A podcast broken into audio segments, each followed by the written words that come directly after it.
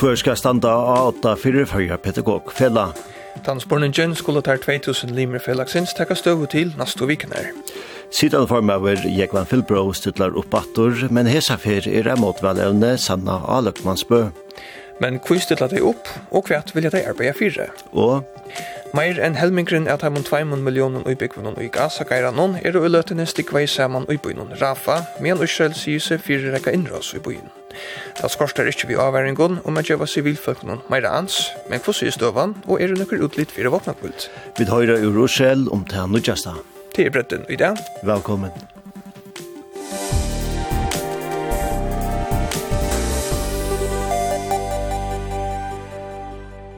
Det er ein et syndemara spennende i alfundur enn vanligt. Ta limener fra fyrra pedagogfella Anna Mars saunast av hotell hotellfølgen til i alfund felaksens. Tog vi første fyr under 20 år er det flere omboi til sessen som forfolk i en av største fagfellene i landet. Teir tveir halde. Teir 2000 limene fra pedagogfellan, hun skulle nemlig at her næste viken er velja mittlen formannen sørste Nudjo årene Jekman Filbro, etla Erbjørn Vardan, Sanno Aløkmansbø. Seinast for flere våre ombøye var i 2015, ta Jekman Filbro, Filbro som tar var nevnda limer, bjøva i tarvende forskvinnene, Matvank Hansen av. Grundgjøvingen sa Jekvanne Filbro at stilla opp møte sidan forskvinnene ved ta at pedagogfellet eier at seta kostna er sintur meira. Jeg halte vi til hava ved en periode her vi tar snakka øljanek som fagfella, og togjen er kommet at handla møys. Jeg halte fella er, er altså, vi tar boja øljanek etter at uh, mitt landa mentamalra er skulle seta testana ra, og vi tar boja etter at almanna ra er styrir okkur om ra, etla og kommunar vi okkur om ra om imus ting, og her kommer jo omgang til okkur, her utfører bare det som her atlas er gjerra, og jeg hadde tog inn i gården at pedagogfellet pedagogförlag å sette kausene i mars. Sier Kvann Filbro ta han sitt opp og vann forfalska velde i 2015. Nå Nu tjoa settene er kritikkeren nægat han samme, hesa fyrir kommer han tog fra Nudja Abjavaren og Sanno og Løgmansbø. Vi utvarsbø annan februar sier hun er fela i Mathias Meira Sjønlet. Jeg husker hukse av vera Sjønlet, så husker jeg at vi kunne være proaktiv og mot til det samflagslige kjærkje som er rørelse, Særlig at det handlar om bøtten og ung, og vi arbeider faktisk vi menneskene fra Vøgge i grøv. Eh, så vi har en rikve av vitan og kompetanse som vi kunne eh, bidra vid til de politiske skipene mitt landet. Med at her og en velstrøye alltid er imisk evner som setter dagsgrunna, så er her et størst avtråkande mal som bojer etter tog som vinner velde. Lønna samræðingar vi fyrtja malarøye og kommunala arbeidsgivarfellegje om nødjan sottmala som skal koma i stegin fyrir den gamla som får urgilde 1. april og i fjør. I færne vik og blir samræðingarna settar av en fyrirbel stekk. Tæm fyrir ikkje at årek var vel struje. Men formavren Jekvan Filbro opplyste fyrir kringvarspunnen at samræðingarna gintjo så mykje ytla at de vel ikkje var til forfalkassessen, heie semeståndren veri båsentor. Hver neste leikur vil samræring noen må vi så slappuja til etter i alfonten 2. mars er finna ut ut av. Omframt av velde vil reisne vel til nevntene i felanon. Troi folk skulle veljas til nevntene av Hesson Sinne og er til seks om boje. Teie Nikkel Heinesen, Harald Johansen, Beinta Klakstein, Dagnhild Magnussen Bestelsen, Katrin Helgadøtter og Sæbjøtten Johannesen. Velde for pedagogfella er taltilt og kunne limen i langt byrja velja i morgen 14. februar og i senaste fresta greie at kvøve av midte i 1. mars. Uslite vil kun kjørst eia funnet noen annan mars.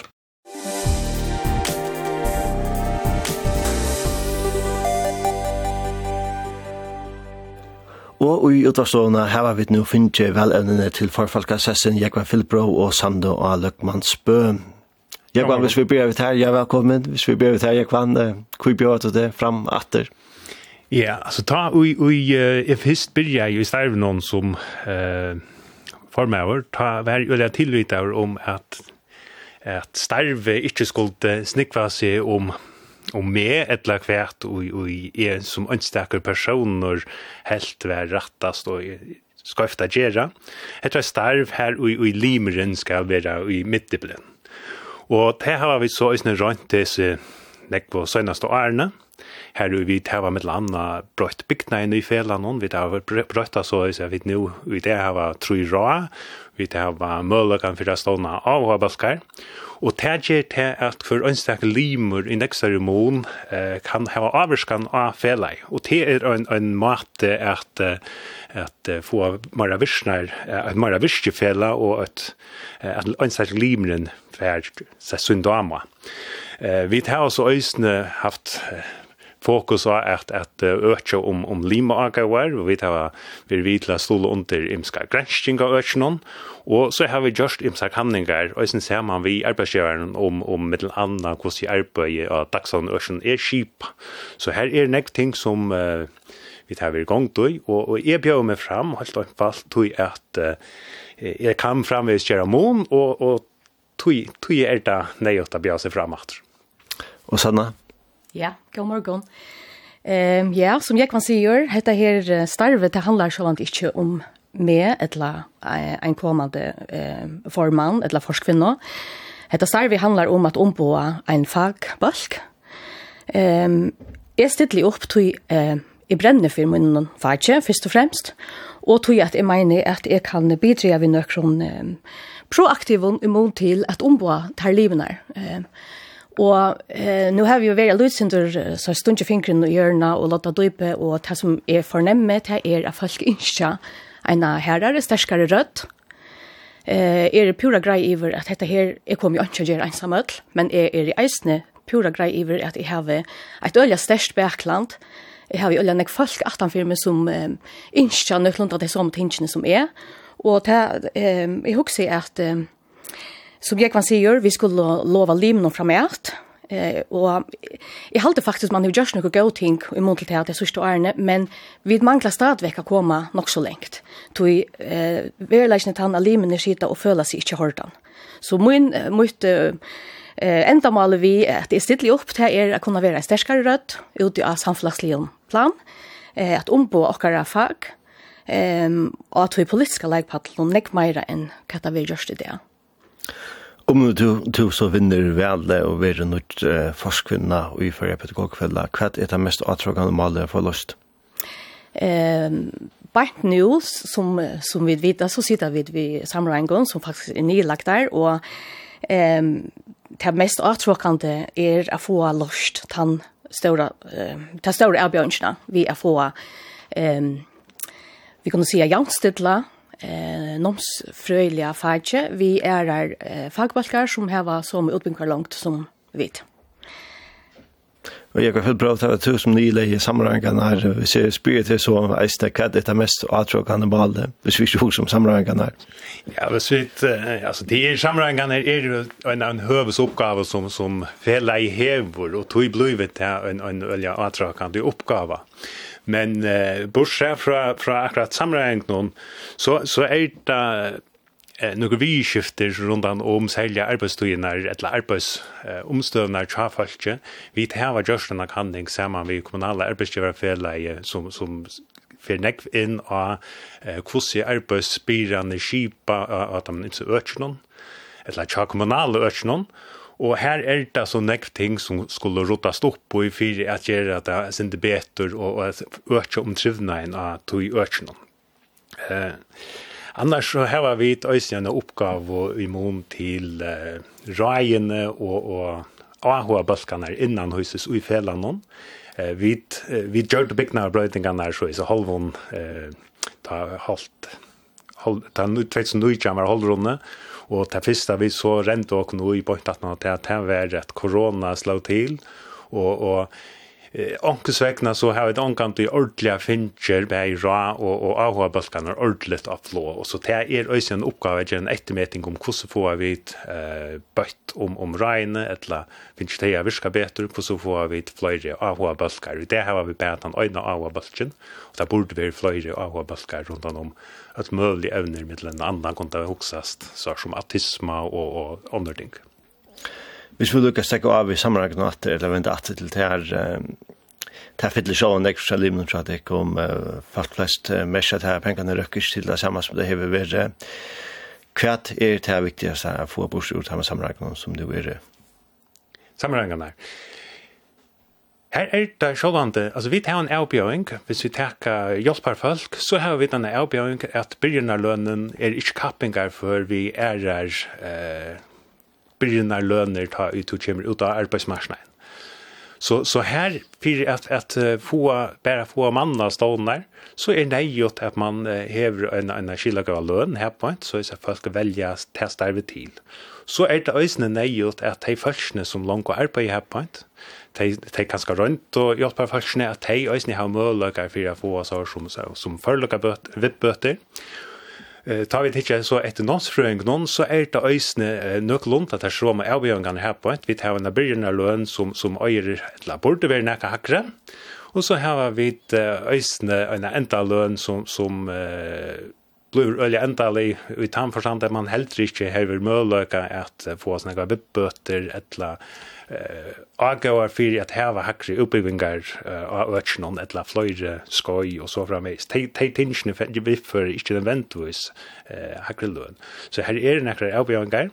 Vi heva øysne en tunga oppgave å litta ettlønner.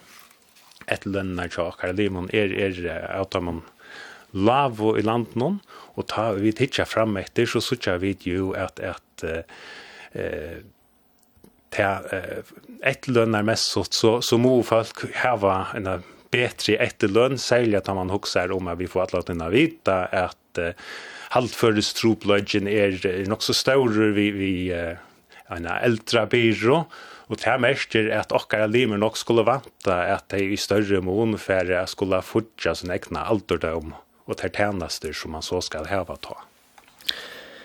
Sanna, hvis ja. du vil han sette til vi fundar hullet sammen vi Fujamal Randon og kommunal arbeidsgiver kommunale arbeidsgiverfellene, hva er det som du først setter til fire for frem til? Ja, og det er uh, pura rakt alt det her som jeg kan høre inn, ja, til absolutt her vi skulle arbeide for vi, men jeg husker at uh, ta, ta et ås om at vi skulle lete pedagogfellet nødjan hjem, og vi skulle brøyde noen ting, vi, uh, så som jeg synes det, så har vi just det ser man jo i så redan jeg var, og vi flyter oss alt for lite. Så eh, nå tar jeg kommet ut og møte eh, til dømes borgerskjøren, og jeg prater om at her vi, hva er det?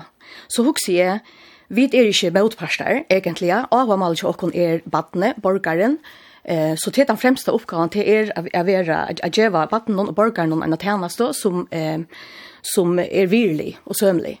Och här huxar är att vi skulle kunna færa ut og møta taimon eh, vi tog vidane som vi tæva. Eh, og i munnen starve som det donna leier nu det sørste for årene, så har vi eh, jaunan gjørs vars vi ting, og jeg sørste at eh, kommunen er ikke eh, hon är inte hon hon motarbetar inte alltså det är vi på att bryta några ting och vilja gärna så det handlar om att få sett år och att det är det och att det handlar om och kväska till ehm Ja, vi bøter, vi er og etterbåter av ødelen økken. Vi kunne ta oss om det sånn økken, vi kunne ta oss om ser økken, vi kunne ta oss om pedagoger innenfor skole økken. Um, vi har kandidater som arbeider ut av det sånn økken, og de vil gjerne være her, men de vil affære ærestand, og de får ikke vippet for sitt arbeid. Um, Så det, og, og, og lønnen, hun avvarskar arbeidskår, så det handlar om at arbeida vi nøkron vilkåren ut i arbeidsmarknaden, eh, eisen innanfor ødeløkker, og Og så handlar det om å sette fagje i fokus hva er det vi gjør, hvor er okkar arbeid så tydningar mykje. Vi tar badna rattna sottmala, manna rattna sottmala, vi tar salamanka og brek sottmala. Vi tar eh, en rikva ting som vi skal arbeide mån til, og bare nå så vil jeg si at vi faktisk sujtja øyla nekvar borgare, bæg i bøtten og vaksen, eh, tog at vi får ikke givet dem til som de har tørva, og til fagligheten som mangler.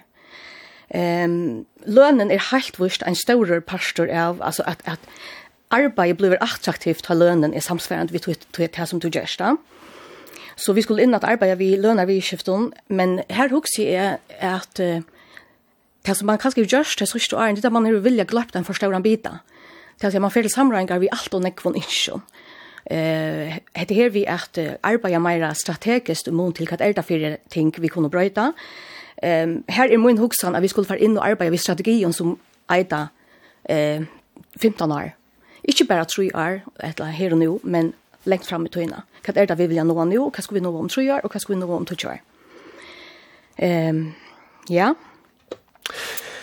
Du nødde til at du er sjålståndsleier her i hovedstaden, og et av treimen evnen som er fyllt mest av om for pedagogkvelda og arbeidskårene til pedagog om sørste årene har vi vært hentan her. Troblagan vi at manna økje, vi er manna badnagerar og dagståndar under, særlig her i hovedstaden, men det er reisende arbeidsråd rundt om i landet noen. Hvordan er Alla du er vi vitla og løysa han troblagan? Ja. Eh, som vi vet så är Torsan kommun för en gång vi att utbygga folk vi med rätt. Det har alltid är en öliga skila går last. Ehm eh Setre har vi tidsit två flockar in senast, men vi såg ju att här i frafall, och det var bara fyra fjärde ehm folk som sökte så det är några ting som gör att att att um, det är inte nog bara att sätta utbyggnadsskra det ska mera till så det är några vi lönar vi skiftene och det är några vi ehm um, korn arbetsvillkor Ehm um, Jeg husker eisen vi kunne gjøre ulla nekv ut i av økken og sjølve. Um, jeg halte gjennomsfringar er et ulla kreativt folkasla. Uh, vi doa vel å finne lorsene til åkken sjølven, så vi skulle eisen doa er ferdig ut og selja der. Eh, jeg har mitt anna eh i min service som det som leier efter her i Bislund. Ehm för två månader sedan så tre og två månader sedan ja, så fick jag ölen ekv nu hjälp par folk så vi får gång till en akt en en verkskatlan innan huset til at vi får inn eh, at undervisa og skola, tar man ikke hjelpa folk noen, helt eh, eh, mye vurst innenfor det første halve året. Og det eh, vurste seg er rikka øye vel. Og jeg har faktisk fem av teimen unge og damene som arbeider ikke med er ferdig å lese til nomsfrøing, at han Så jeg husker til eisen nekka vi at vi skulle doa selge okkara fag, tog det er utrolig spennende, det er utrolig tøytninger mye, og det som er suttje, eh eisen som leiare. Eg kan nu tås ut fra det sånn som heter Jerzy Galdan innanfor Ødløkjer. Det er at ta ut til setor eh, dikt av breddan, så vilja folk, og det får ho, um, og det gjør dem om ja, ho afær ut å lese og læra meir. Eh, og jeg synes ikke eisne at her som, her som eh, i havet her som eh, arbeider vel dekka inn ved namsfrøyngon, her skal jeg som leiare ikke eh, gjøre så redan jeg selv. Skildo, de eh, kunne lytte arbeidet selv, men her som jeg har øyne nek hjelper folk, her må jeg inn og leie øyne tatt, og ta gjør mine arbeidsbyråreisen i øyne tunga.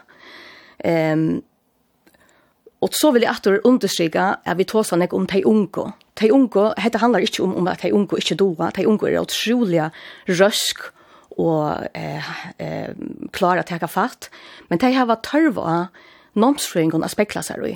De hava tørva a koma inn til arbeid som kunne lena seg opp etter nomsfrøynge, og så les bliva lært opp. Det er eisen det som okkar arbeid handlar om. Det er mestar a læra a koma inn og vera opplærdur av ein eh, faglige sterskom eh, fölkje, det hever tøytning. Så hvis vi skulle hava gau hjelpar folk, som eh, velja okkar og økje til, så skulle vi eisen hava pedagoger som kunne eh, teka imot dem og eh, føre det vel inn i arbeid. Jeg går fyllt prøve å ta en giv om at det er nok et av de evnen som har fyllt mest ut under for man står i pedagogkvelden noen eh, hva det på på at man, hvordan man kan løse det Ja, altså det, den, den har ikke lagt av løsningen er affær inn og hakka lønner, og gjøre et, et medbevurst arbeid for at trivnaver og, og at arbeidsomstøvnar gjøres bedre. Det er, er ikke at ivast i at hvis vi vet høtt og bedre lønner og, og man har bedre arbeidstøyer, så høtte vi haft nekk lattere vi at rekrutera.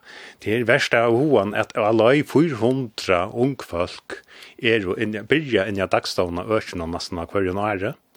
Det skulle ikke være 400 folk som er av byrjene lønn, Så, så ta og i bæra en halvt rus at høymo velja att söka in av frauskapersetre, så er det okkur som tøyre på at økje inte hävda noe gott til at vera eh, ahoaverskje som unko, så øysne at velja. Vi borde haft det bästa rekryteringsgrundarläge i vår höver og i, i til øynekvarja uppbyggning ta vi til så nekva okkar unko som faktisk häva när rønter innan økje, Tui burde dei öll tui ma vel at være inn at lise til nomsrøyng. Men Sanna snakka så øysni om at vi mangla lengtøyarstrategi. Lengtøyarstrategien tja, tja pedagogfellan hese er vi veri hese sennaste årene i mån til lønarsamrøyngar. Heve veri man snakkar om en allmenna lønartalvo. Det teker tui a få eh, andre fel og eisne vi på at det er ikke et en allmenn lønartal kan ikke være være prosjekt tja pedagogfellan det må være prosjekt som som andre fagfel så eisne tek vi og i og i myndene.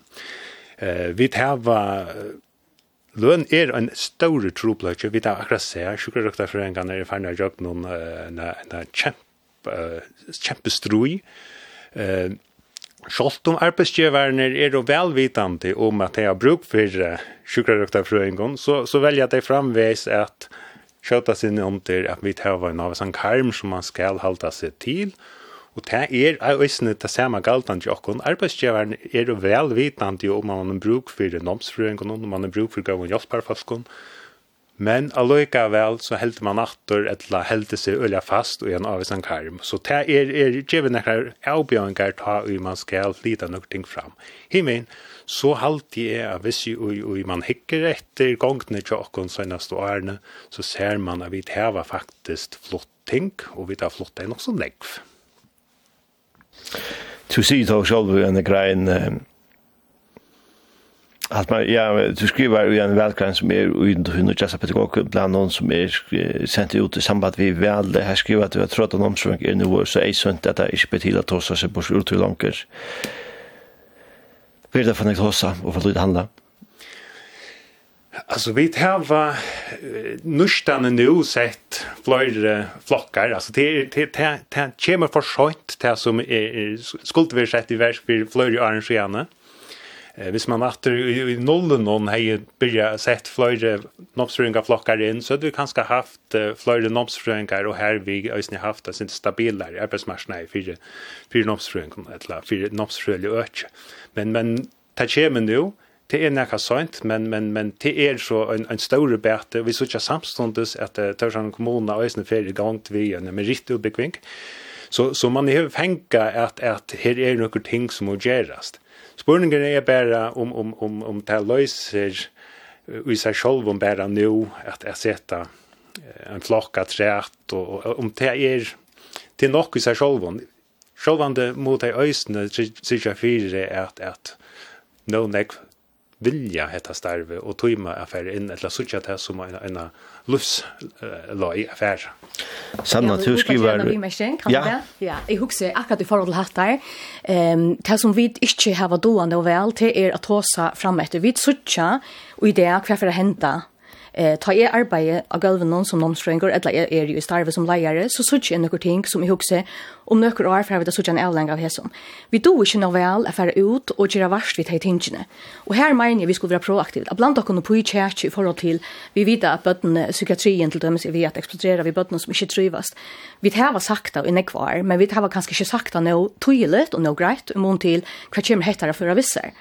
Så her skulle vi doa nek näck bättre ut og vise av ter avlängarna som eh, kunne standast av at vi inte rävfästa eh, faglighetene. Du skriver i samme blei nemlig til at uh, to nu i Ronkus vakna vi kallt en dreim en runda setta med rett utbyggning og igång till er gjort men vi vita hetta fyrir takka att og tog bæra løysa bara lösa en brökpasta av stora erbjörns nu hötta och harpa så att vi mangla starsfolk og av en større tutning vi mangla fagfolk. Yeah. Hur man bor i Ja, man har bor alt for för Eh och som sagt det här hända väskatlanen så vi nu gör det innan huset så och stående. Det var i samband samra vi kommunerna kan vi finna noms för rådgivare och diktarmännare in att arbeta samma vi och Det gav ölanek till åkara stån. Men i huxes har den värskatlan må vi göra mera. Vi må bygga där ut, göra där större. Eh, och huxa eh, allt ökje. Vi vet att vi manglar eh, eisen ölanek innanför ser ökje. Här är eh, eh til dømes vi autisme så så er så så manglar vi ølan ek tilbod til bøtten vi autisme. Ehm vi manglar ølan ek tilbod til bøtten vi ADHD. Så eh her eier vet at du har bedt jeg fer ut og arbeida i mån til kvart. Hva er det vi kommer ha bruk for om 5-20 år? Jeg kan man har på jo for lunch, det er tid at det er myndelagarna som arbeider vi som er troblasjen? Ja, det er sjålland det myndelagen som er troblasjen i gjesten her. Pedagogfeleie og fagfolk rundt an om heva vurst og i fløyre år at tørver er å sete møyra inn, tørver er å sete kila betre skipanar i versk, og, og man hever så helt i attor, eller man hever prioritera bruk pengar er av. Så det er en avbjøring som, som uh, ligger för framman. Men det är inte ordentliga samtidigt i att den eventuellt är att han är björnsen som pedagogfälla i hever. Pedagogfälla i hever till uppgave att cirka fyra att limner som han hever få en av gåa lön och gåa arbetsomstöver. Hvis ju limner hava gåa löner och gåa arbetsomstöver så kommer att det självande en ärlöjning att det kommer självande att vara till att flöjre för att söka till ötje och här vi blir det hoa hoaligare att arbeta av ötjen nu nevner du det som det er viktigast av lønnen, og du skriver en, en som en velgren som jeg siterer ur Janne, lønn etter lønn og arbeidsomstøver i hjemme alt fram mer på bøtt om, vi flyter og vi vist fram av lei, fedene er små, og det gonger altså ikke så kjøtt som jeg vil, men det gonger fram og ikke atter av. Hevde det ikke, du sier det gonger fram men gonger det noe kjøtt fram av? No kjøtt, nei, men, men uh Hvis vi hittar etter lønargångene til okkon og samanbæra vi ånder, så, så sutja vi at vi tæva megna nøkker ting. Det har vi. Ja, vi hodla gjerra vi mesting eisning her i forhold til um, nu kom et lønarlist i fjør, og det hever eh, lukket som i luftene og boia til 1. januar. Og jeg sakne at man her hever vere mer framme og gjørst varst vi etter lønarliste som kommer 1. januar. Um, Og nu Kan det här som du saknar? Det som jeg saknar det er att man har trossat det mer fram. Man ska trossa det sånne fram, at folk sitter og vita at 1. januar kommer henda lønnen. Hvis hun ikke kommer 1. januar, så skal man handla i mån til det. Og jeg tror ikke at um, ta, ta, uh, nu tar vi så færre om 1. januar, så høyrer vi at det har sagt, bæge fra eh fyrjamalaranon fra KAF og fra pedagogfellanon at det er nekker tekniske trobleikar. Enn har vi ikke hørt om hva er dette for tekniske trobleger? Hva, hva, hva handler dette om? Eh, hva er litt tekniske? Vi kunne gita, eh, men vi vita ikke, og vi nå sitter vi til å boja, og aller helst, nå samrengene er stegger opp, og der skulle byrja nøtjon, at han anna mars, så kommer vi aller helst å boja lykke til sommar, få Men hva er lønner. Hva er fela jeg røst, hvis arbeidsgjørende sier at vi rundt at ikke ut den? Ja, jeg halte fela skulle være mer ute og ta seg hette fram, så at han legger press på politiske skipene. Og så hukser jeg, eh, men, men, og jeg føler at man sitter og triller tommelfingrar og boja, Ehm här att rätt så tänker jag isen heter här i mån till fagfelags virksame. Vi så vad ta i sugar ta förengan i vår i väskfallet så för man in och ehm lägger ta ner. Man tog väskfallsrätten från fagfellan någon här. Eh och ta i huxi heter här ett ett annat vi att heter också rak som gör sig galdande ta politiska skipanen häver valde. Ehm och kanske vi skulle ändra huxa och arbete som fagfella Ehm tui eh, flokkarnir som sita vi eh, i samkongen og til flokkarnir som eitast at ombo okkon, men der handla ikkje så som vi dinskja. Så her er nokre ting, strukturelle ting i samfunnet som, som her er nokkur motstrøyande krefter som gjør skaldande som i hugser vi eier fer inn og, og hitja nærjo på og eh, arbeider vi. Jekvann, trilla tommelfingrar og boja, her er nokre kritikk som du nok må svare på. Her var det ikke vi er noe aktiv i lønnesamrangen nå to um, Jeg alltid ikke vidt her å trille tomler. Det er så absolutt ikke det som vi til å gjørst. Vi til å eh, vi til veri inne og, og gjørst i misting. Sjølvand, det er ikke alt som er allment som, som vi eh, gjør. Alt kan ikke være allment. Og det er også eh, en spørninger om, om hvordan en sammenhengar gonger. Gong, Hesse för här har vi så haft uh, en en erbjörn vi att att här har varit flera under fel som ösne har var brukt ett år på att få sina avtaler på plats. Det hever förhala processerna också väl. Vi var då faktiskt klar långt i januari för göra för att sammanhangarbordet, men det bär inte till att komma till sammanhangarbordet ta. Det som hever varit runt om detta här lönar lite. Det är så, så eh at pedagogfellet sier inte att det är något teknisk förring och är Jesu. Det är det är arbetsgivare som hever på fra att det är några tekniska foringer, som ger att eller praktiska foringer som ger att det, att det ikke har mulighet at tala det ut. och och det som altså standa för törra rockning är så avtala vi och är arbetsgivare att i färg inte att omtala akkurat lönar lite vi är sen här väl distan och jag och hep hepa så så det är tänker jag talar som man gör arbetsgivaren när ta att du ska ta så att löna limmer Vi har som för att nu bestämmer att jag ju så vad det skvärt och vi vill se men vi har som förn att alltid ösen paterner och ösen fällan någon att att uh, inte uttala sig så jävla nek om akkurat hvordan vi eh samrangar stövan er og og kvart ligger av bornon typiskt ta og og man er ute og fortäller öllon kvat og i onkur ikkje vil ganga vi til så blir det ölja tors ja vi kommande så jag ganga vi til det att så så akkurat nu eh man onkte eh, ikkje fortelja for nekv Sanna Løkman spør, to erst uh, i pedagog bland dem som är kommer ut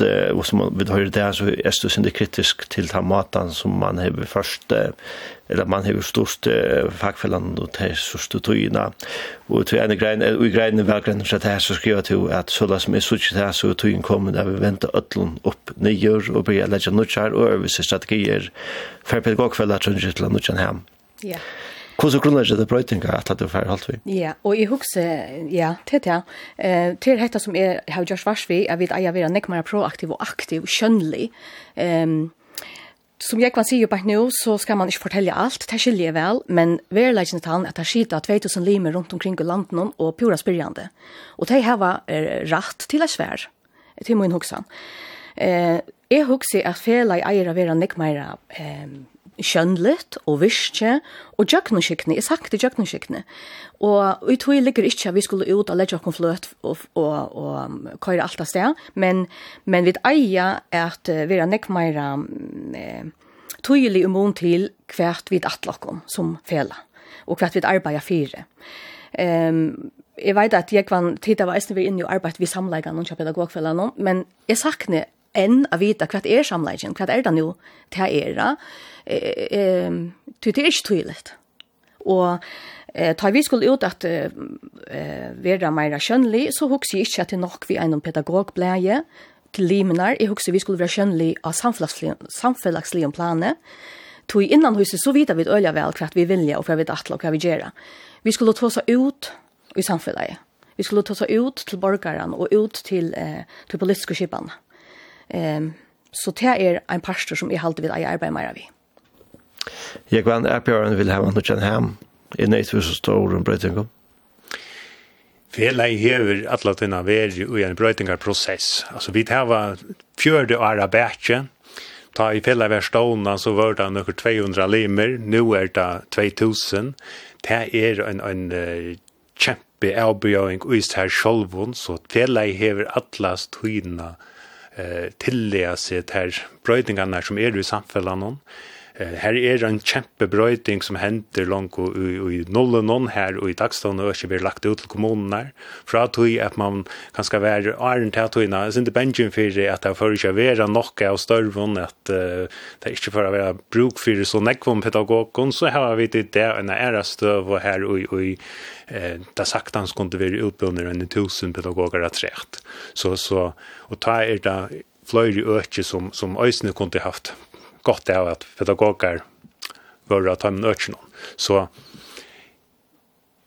velei er til det jeg ser alle tøyene framtøyene, og til halvt jeg vil komme fram det jeg gjør. Ja, vi hodla gjerra vi meskinga i snimmo til, man har gjørst nukkur rå, en avbjørn tja felan er jo at vi er et øyla samansett fela, vi hava pedagogar, vi hava hjelperfolk, vi hava det som økje, ser økje, skolen, eldre øke.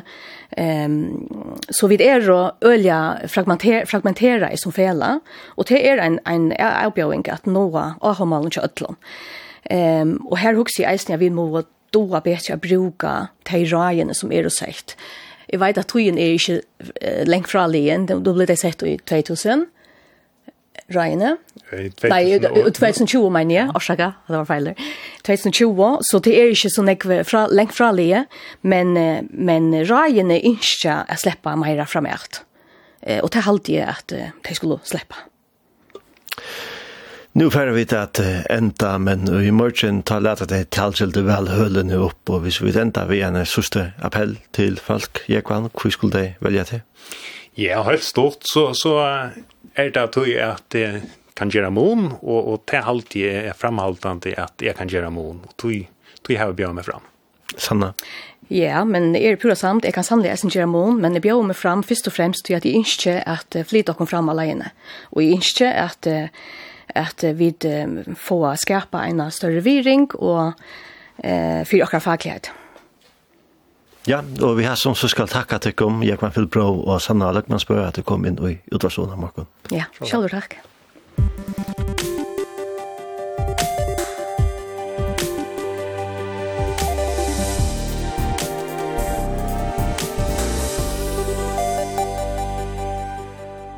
Nei, let det være, ikke utan en utøkjelig atlan fyrir sivilfølg i økjennom.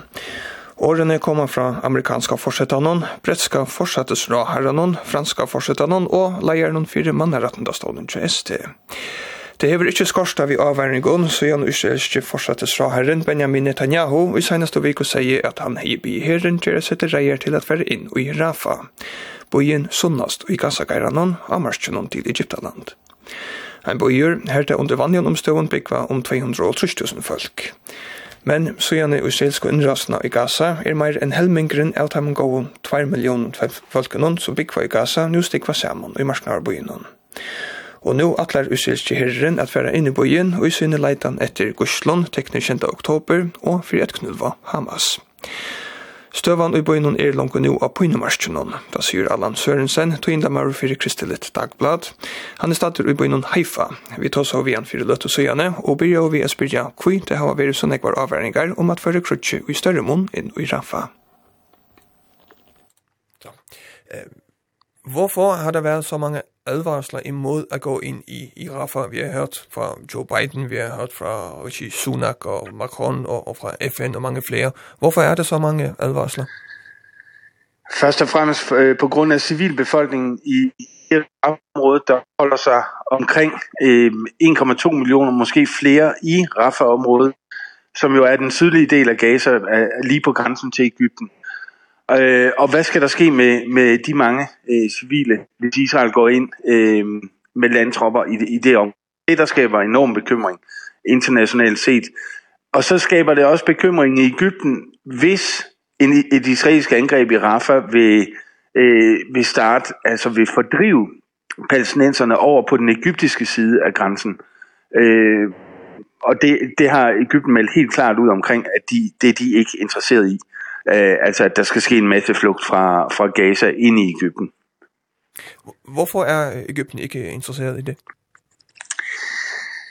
Dels i solidaritet med palæstinenserne. De ønsker ikke, at, at palæstinenserne skal øh, opleve endnu en fordrivelse, ligesom de gjorde i 1948, altså hvor de flygtede øh, væk fra krigen øh, mellem de arabiske stater og øh, Israel dengang og hvor der jo blev skabt det palæstinensiske flygtningeproblem. Altså man ønsker ikke en gentagelse af det, øh, altså endnu et nederlag til palæstinenserne. Men hvis Ægypterne skal være helt ærlige, så tror jeg heller ikke, de ønsker at importere et eller andet palæstinensisk problem til egyptisk jord. Fordi hvis, hvis de palæstinenser, der eventuelt vil flygte fra Rafah ind i Ægypten, hvis de så ikke vil få lov til at flytte tilbage til Gaza, jamen så bliver de jo øh, hen ad vejen til Ægyptens problem, og det ønsker man ikke. Men man, man giver den anden årsag som første årsagen, fordi man ikke vil gå ud og sige offentligt, at, at, at man ikke ønsker at importere et, et palæstinensisk problem til Ægypten. Hvordan er så situationen i Rafah? Nu er, du ser, der er over, over en million mennesker i en by, hvor der normalt bor en, en kvart million mennesker. Hvordan er situationen der? Jamen, den er, den er på bristepunktet, øh, altså set fra et humanitært øh, synspunkt. Øh, der kommer nødhjælp ind, men der, det, det virker som om, og det jeg selv hører er, at der ikke kommer nok nødhjælp ind. Folk har svært ved at få, øh, få adgang til mad og drikke. Øh, hvis du er en fattig familie, jamen, så er du helt afhængig af, af at kunne få fat i en pose mel. Øh, øh, fordi du ikke kan købe dig til det. Øh, og hvis det ikke bliver udleveret til, til din familie eller til naboens familie, jamen så har du ikke engang, øh, så har du ikke adgang til at, at, at bage brød. Øh, jeg hørte også fra en, øh, jeg talte med i går i Gaza, at det der, det der faktisk er svært i øjeblikket, det er at finde brænde, øh, sådan at man kan tænde ild og, og, og tilberede mad. Ehm der, der er ikke særlig meget træ at, at få fat i, og, og derfor er det, det, det er svært at få, få sat øh, blusset i gang, altså få, få kogt og stegt ting, øh, så mange familier i Gaza er, er eller i Rafah området er sådan helt nede på på det mest basale. Altså de spiser de mest basale ting de kan få fat i og og kæmper næsten for at få adgang til til rent drikkevand. Hvad har de at, at flygte til de civilbefolkningen i Rafah? Hvad har de at, at flygte til hvis nu der kommer en en stor invasion i byen? Jamen det er jo, det er jo lidt det, der er det store spørgsmål, fordi de ved det ikke. Israel har nævnt nogle områder, at der, der vil være plads øh, til at flygte hen, hvis krigen kommer til Rafah. Men palæstinenserne selv, de aner jo ikke, om de kan få sikker adgang til de områder. Vil der komme nødhjælp ud til de områder, hvis de flytter? Øh, vil de komme øh, i, i livsfare, øh, altså når de bevæger sig ud i de områder, som ligger lidt længere nordpå? øh, ude ved kysten. Altså der er nogle øde områder eller ubebyggede områder. Og jeg tror det er der Israel gerne vil have øh, dirigeret, dirigeret befolkningen hen. Og i går var det som om, at nogle af de første begyndte at forlade Rafah, altså fordi man er nervøs for, at Israel sætter den her offensiv i gang. Men ingen ved jo, og det er også dem, jeg taler med i Rafah, de siger, vi ved jo ikke, om vi kommer i sikkerhed. Øh, fordi vi troede, vi kom i sikkerhed, da, da vi flyttede til Rafah, Og det ved vi nu, at det, nu er vi ikke længere i sikkerhed her. Vil, vi så, vil det samme ske, hvis vi flytter længere nordpå? Øh, så, så alle føler, at de løber en sikkerhedsrisiko ved at, ved at bevæge sig ud af Rafa, men også ved at blive. Hvad er Rafa, eller var Rafa for et sted før, før krigen? Rafa var, øh, altså for lang, lang, lang tid siden var det jo, øh, der lå der faktisk en lufthavn i, i, øh, i Rafa, som blev brugt af, altså i de, i de første dage af det palæstinensiske selvstyre, den blev så lukket med tiden. Og så har det været øh, grænsebyen til Egypten, altså det har været, øh, der har været smuglertunnelsystemer under Rafa øh, i mange, mange årtier. Øh, altså siden 90'erne og helt op til, øh, til nu her. Men der har også, øh, altså Rafa har jo også været øh, grænseovergangen til Egypten, hvor palæstinenser kunne rejse øh, til Egypten med de fornødige, eller med, med, med tilladelse selvfølgelig, og det har ligesom været Gazas eneste udvej til, til omverdenen, altså hvis man ikke havde tilladelse til at komme ind i Israel, så kunne man komme over grænsen til Egypten og rejse derfra. Jeg kender mange palæstinensere for eksempel, som har som er flygtet med årene ud af Gaza, og de har så benyttet sig af den her øh, grænseovergang mellem Rafah og, og Egypten. Og egentlig har det været sådan lidt en, Øh, altså det har været en af Gazas mindre byer. Ehm og der har også været en en altså nogle øh, ekstremister har opholdt sig i området, øh, salafister som har været imod Hamas ehm gennem årene, men de er ligesom de er også blevet nedkæmpet. Så det det har Rafa har haft ry for at være en ekstrem by, men lige nu er det som om Rafa er en stor teltlejr. Ehm altså der er både de bebyggede områder, men så er der masser og masser af telte som er slået op til alle de her Gaza-familier, som er, er drevet på flugt derned. Den største del af nødhjælpen, som er kommet ind i Gaza siden den israelske invasion, er jo kommet over grænsen fra Gaza fra. Hvad sker der med, med nødhjælpen, hvis nu Israel øh, gør en invasion i, i Rafah? Jamen, det, det, det ved vi simpelthen ikke på nuværende tidspunkt. Israel har selv åbnet en, en, en af de grænseovergange, Israel også har, som hedder Kerem Shalom, Og der er Israel begyndt, det ligger også nede i det, i det sydlige Gaza, men i det andet område, der kører også lastbiler ind øh, fra Israel øh, med nødhjælp. Øh, så man har to muligheder i øjeblikket. Den ene Rafa og den anden Kerem Shalom. Men hvis det kommer til krig i, i Rafa og, og også de sydlige dele, så skal der jo findes en tredje og måske en fjerde vej, hvor nødhjælp kan komme ind. Og det er der simpelthen ikke sat ord på fra Israels side, hvordan det skal ske.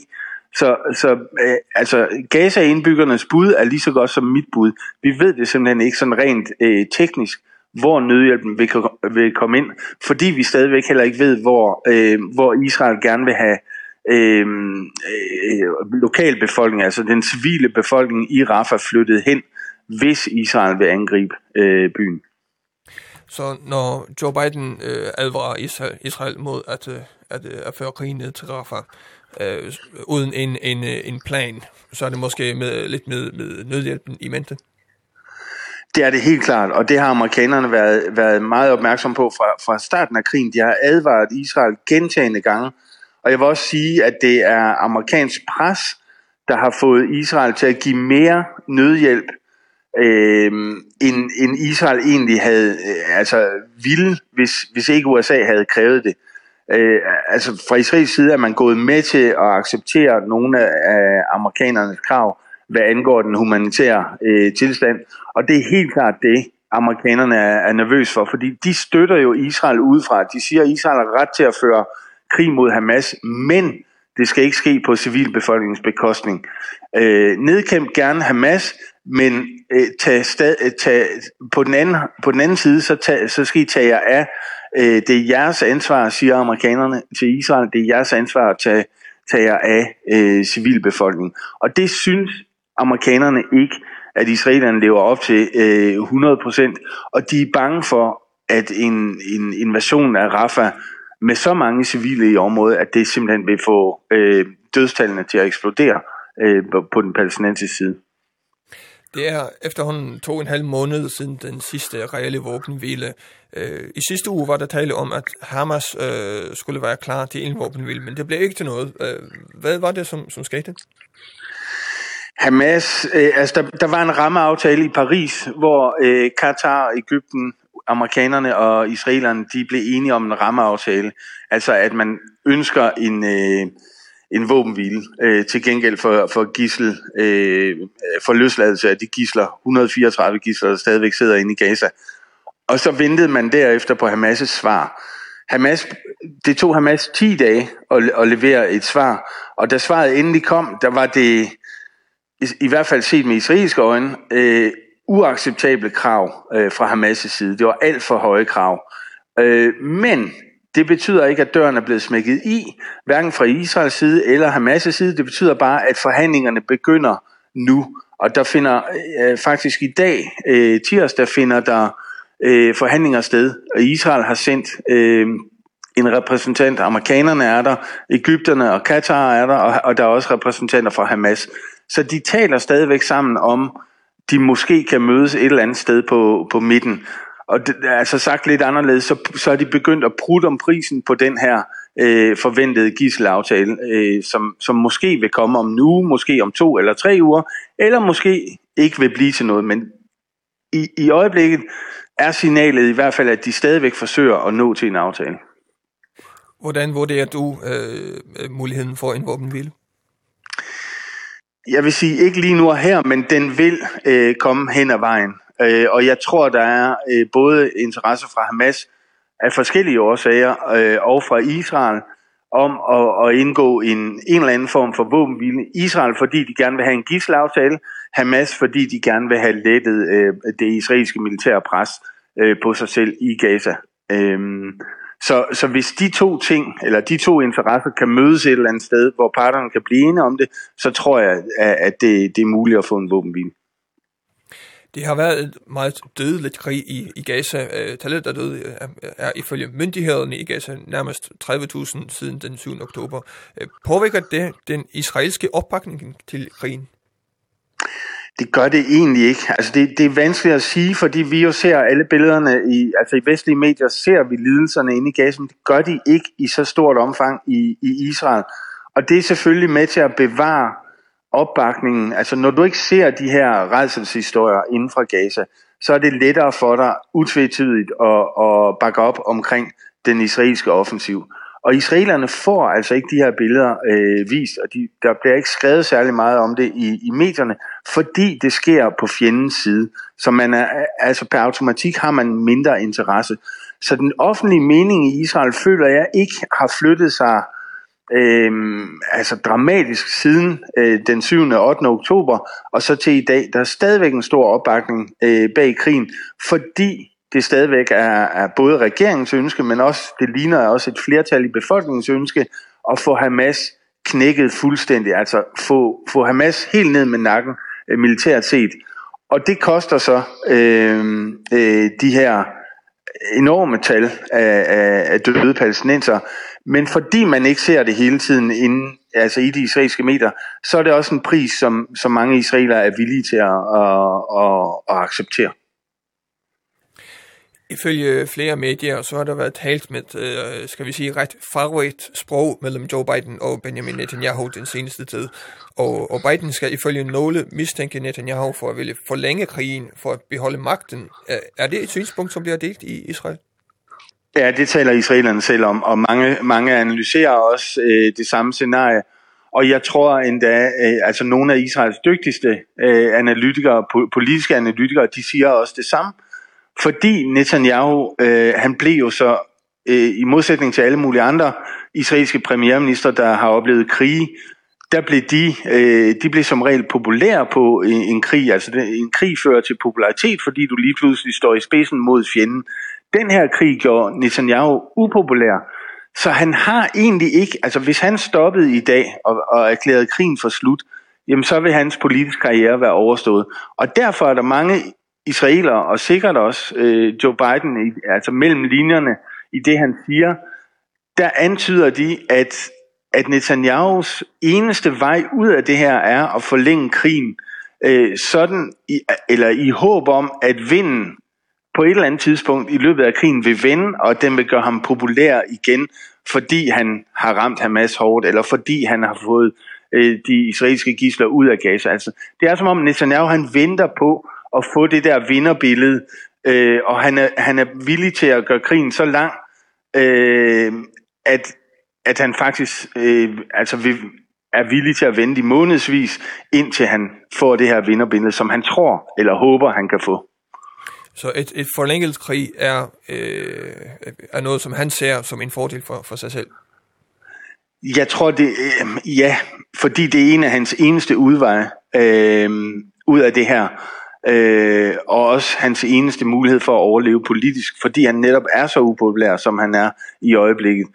Ehm og så simpelthen vente og blive ved med at ride på, på den samme hest, indtil, indtil det bliver populært i, i befolkningens øjne og det er selvfølgelig også det, der irriterer amerikanerne, fordi de siger, de, og fra, fra dag nummer et efter den 7. oktober, der har amerikanerne jo krævet, af Israel, læg en plan, fortæl os, hvad jeres øh, to måneders plan, hvad jeres tre måneders plan og fire måneders plan er, så skal vi nok støtte jer. Og amerikanerne har ikke fået noget svar fra Israel. Netanyahu har stadigvæk ikke holdt et, et øh, reelt møde med sit sikkerhedskabinet om, hvad der skal ske efter krigen. Og det er bare i øjeblikket, som om krigen kører videre, øh, uden egentlig at have noget øh, altså noget mål udover at Netanyahu selvfølgelig stadigvæk ønsker at knække Hamas. Altså der er ikke sat mål for hvem skal regere Gaza, hvad skal der ske med nødhjælp i Gaza i fremtiden, hvad skal der ske med alle mulige andre aspekter i Gaza efter krigen.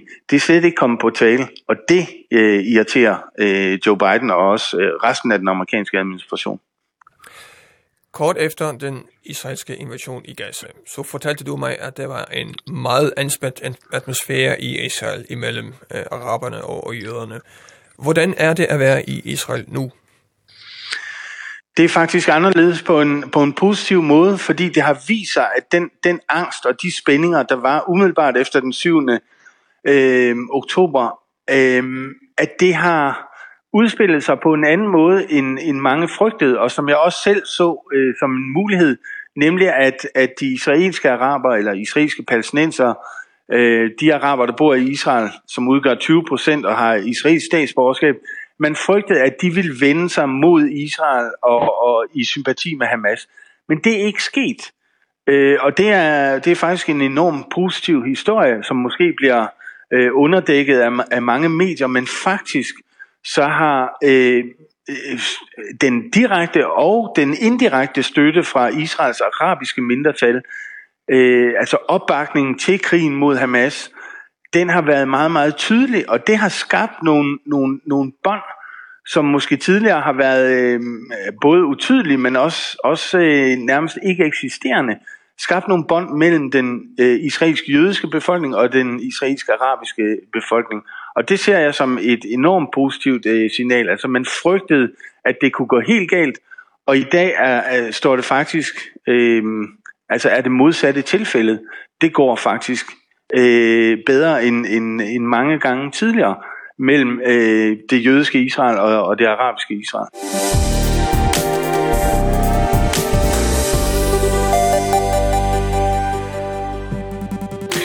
hetta var det, så vi tatt og abretta noen i det. Og man har løtt over sendingen tøk som potvarsp og av heimasøyakara. Bretten vil reisne i endersender etter togjentene av nattra. Hever du vimersinger til sendingene, hos godt til evne et leit prei, per til at senda okon ein teltepost av bretten korlakvf.fo. Sendingene i dag kjør du Hattur Arena og Trønder Olsen. Hattur Arena var redaktører. Takninger var Rune Esterløy.